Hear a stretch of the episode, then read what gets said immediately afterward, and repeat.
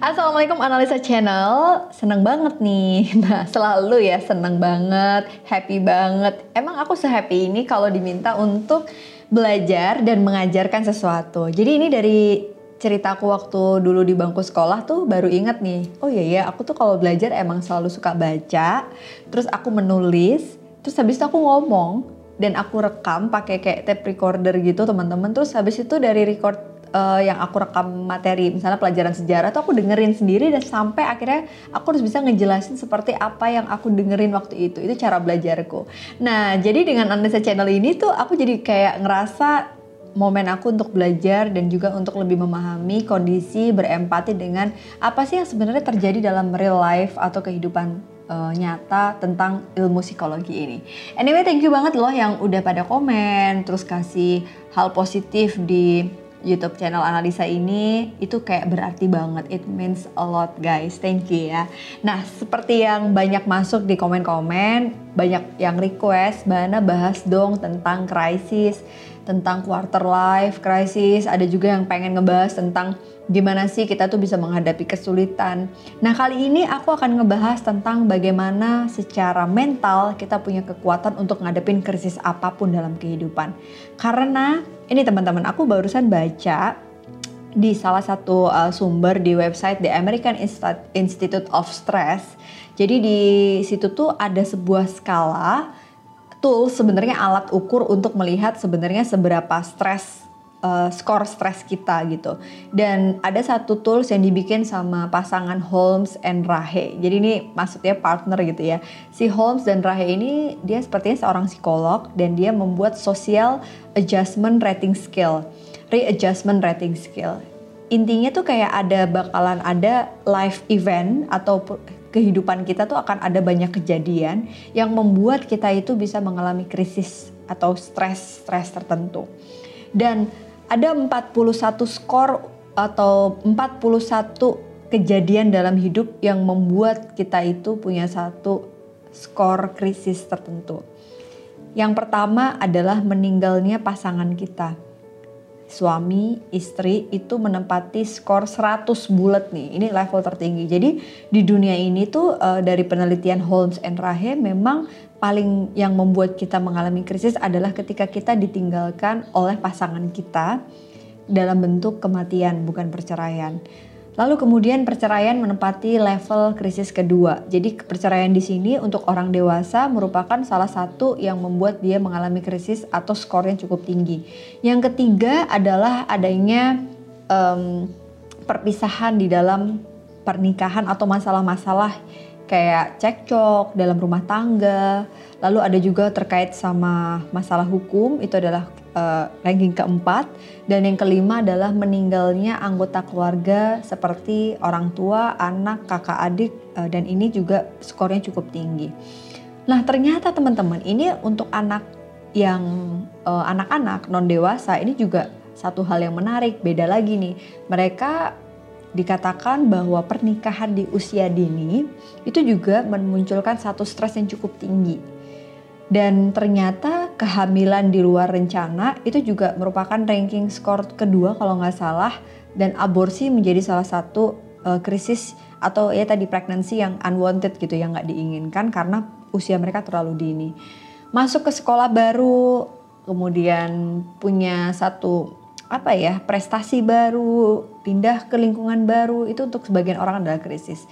Nah kalian bisa googling nih. Ini aku attach gambarnya. Ini Rahe and uh, Holmes ya di sini. Dan nanti kalian bisa hitung skor krisis kalian. Nah apa yang mau aku bahas di sini teman-teman? Bahwa intinya Holmes and Rahe ini menyampaikan dalam hidup kita akan selalu akan banyak event atau kejadian yang berubah-berubah dan membuat kita tuh nggak siap Pasti namanya orang mengalami krisis, shock itu adalah tahapan pertama. Tapi apa yang membuat ini bisa bertahan?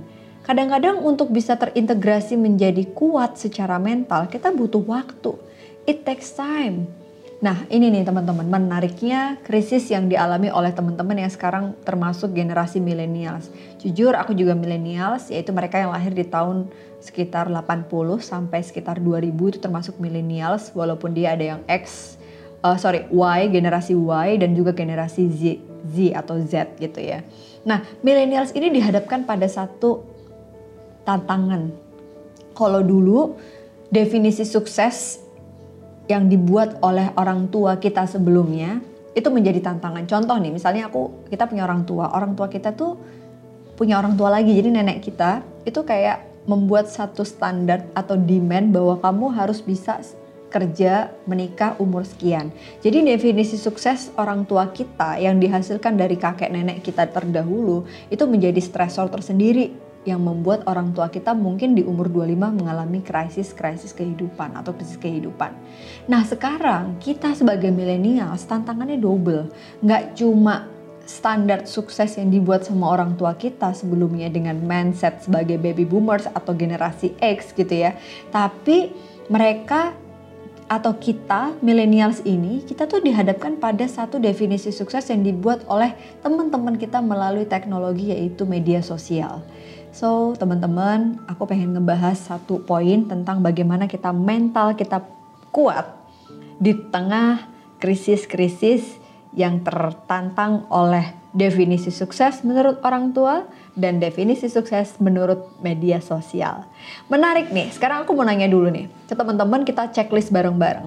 Apakah kalian sudah mempunyai uh, kondisi yang disebut dengan kekuatan mental? Satu, biasanya orang-orang yang kuat secara mental mereka akan selalu optimis meskipun gagal.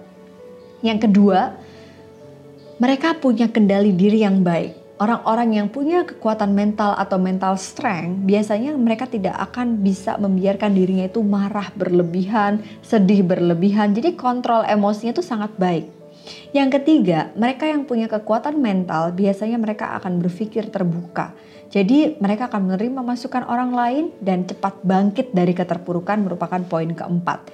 Poin kelima mereka tuh kayak cepat recovery kalau gagal ditolak mereka nggak nyesel ditolak mereka belajar dan cepat-cepat recap untuk bisa damai sama situasi itu dan stres menurut orang yang kuat secara mental akan dianggap sebagai sebuah hal yang menantang dan membuat kondisinya menjadi lebih baik lagi. Nah teman-teman kalau tadi kamu sudah cek dan ternyata semua ciri-ciri itu ada pada diri kamu, selamat berarti kamu sudah memiliki mental yang kuat. Kalau belum, jangan khawatir teman-teman. Karena ternyata aku pengen kasih satu tips yang menurut aku bisa diresapi bersama-sama. Yang pertama, emang paling susah kita itu memilih untuk melakukan sesuatu yang gak kita pengen lakukan. Hari ini millennials atau kita-kita yang dihadapkan pada krisis akibat adanya definisi sukses antara orang tua kita dan teman-teman di media sosial, ngebikin kita tuh nggak ngerti sebenarnya definisi sukses itu apa sih? Ngelihat teman-teman di sosmed tuh kayaknya dengan sibuk itu sukses padahal being busy itu belum tentu produktif dan belum tentu sukses tapi seolah-olah kalau kita cuma gelundang-gelundung rebahan di kamar seolah kita tuh masih jauh dari kata sukses itulah yang bikin kita krisis belum lagi orang tua kita. Kamu nih udah umur segini gitu-gitu aja hidupnya gelundang-gelundung di kamar. Ayo dong, kamu ngapain kek gitu. Seolah orang tua kita juga menjadi uh, pressure tersendiri buat kita. Nah, apa yang bisa kita lakukan di tengah situasi ini, teman-teman?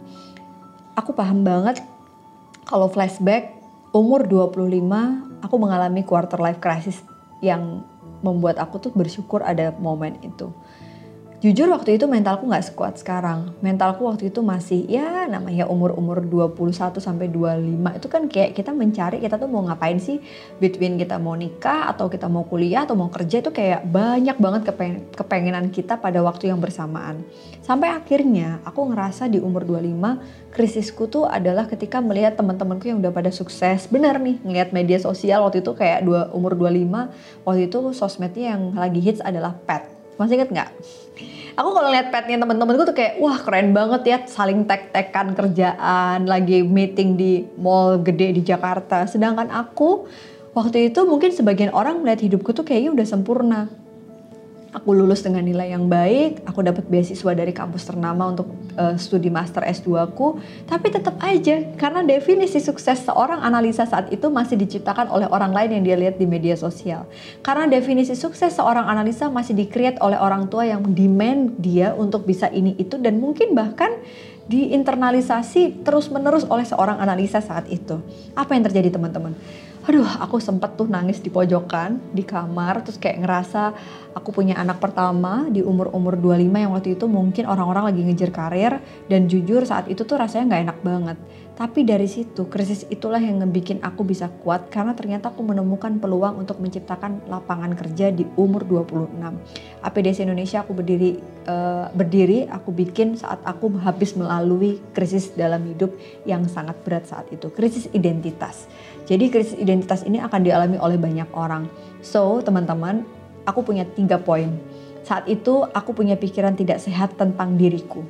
Seorang analisa mengatakan kepada dirinya bahwa dia itu tidak sukses, dia tidak produktif. Padahal ya itu 24 jam rasanya kurang ngurusin anak baru lahir jadi seorang ibu baru di kamar. Dan itu menurut aku, aku masih punya unhealthy belief tentang diriku. Aku nggak percaya bahwa apa yang udah Allah kasih itu kayak, aduh Kini rasanya nyesel pernah ada di part itu, tapi it's okay. Itu adalah yang pernah kita lalui. Jadi kalau kamu pengen punya mental yang kuat, berhentilah untuk punya unhealthy belief tentang diri kita. Yang kedua, kenapa kita nggak kuat mentalnya teman-teman? Karena saat itu unhealthy belief aku adalah selalu menyalahkan orang lain. Unhealthy belief aku adalah kita ngebandingin hidup kita sama orang lain. Ya waktu itu jujur aja struggle dengan zaman media sosial awal-awal hitsnya Instagram, pet. Aku ngebikin kayak aku mau posting apa tiap hari aku cuma bergulat di kamar dengan anak bayi yang baru lahir dan aku kayak masih bingung gimana caranya jadi ibu lalalala sedangkan ijazahku aku tutup dan beasiswaku ngerasa kayak sia-sia dapat IPK bagus uh, beasiswa tapi aku nggak kayak nggak ngerasa berguna saat itu. Itu unhealthy beliefku tentang orang lain karena aku ngebandingin hidupku sama mereka. Dan yang ketiga aku ngerasa dunia itu nggak adil. Unhealthy beliefku adalah tentang dunia. Why me? Why not me? Itu kayak selalu membisik uh, ada dalam bisikan-bisikanku. Tapi ternyata teman-teman, ketika aku untuk keluar dari unhealthy belief tentang diriku, aku lihat lagi perspektifku lebih luas lagi. Ya Allah, kayaknya aku nggak bersyukur banget bisa menikah dengan uh, orang yang aku benar-benar cintai, bisa punya anak dan alhamdulillah dikasih anak yang lucu banget, sehat dan normal, diberi kepercayaan untuk jadi ibu di usia yang sangat muda. Terus aku melihat hidup orang lain ya udah nggak apa-apa bebas mereka mau posting apa pun itu kendalinya ada di kita. Dan gimana aku bisa merasa dunia ini sudah ada porsinya masing-masing.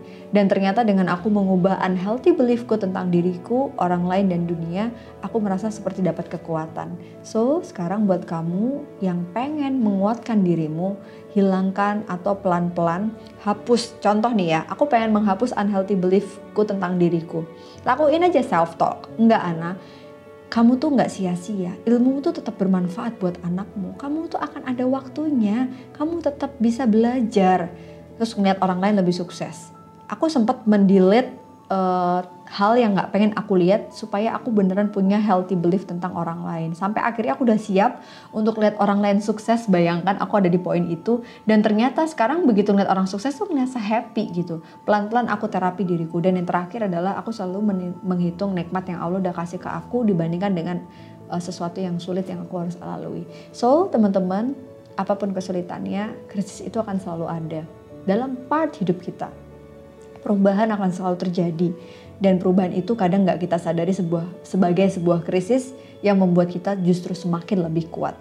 Karena di balik kesulitan pasti akan ada peluang baru.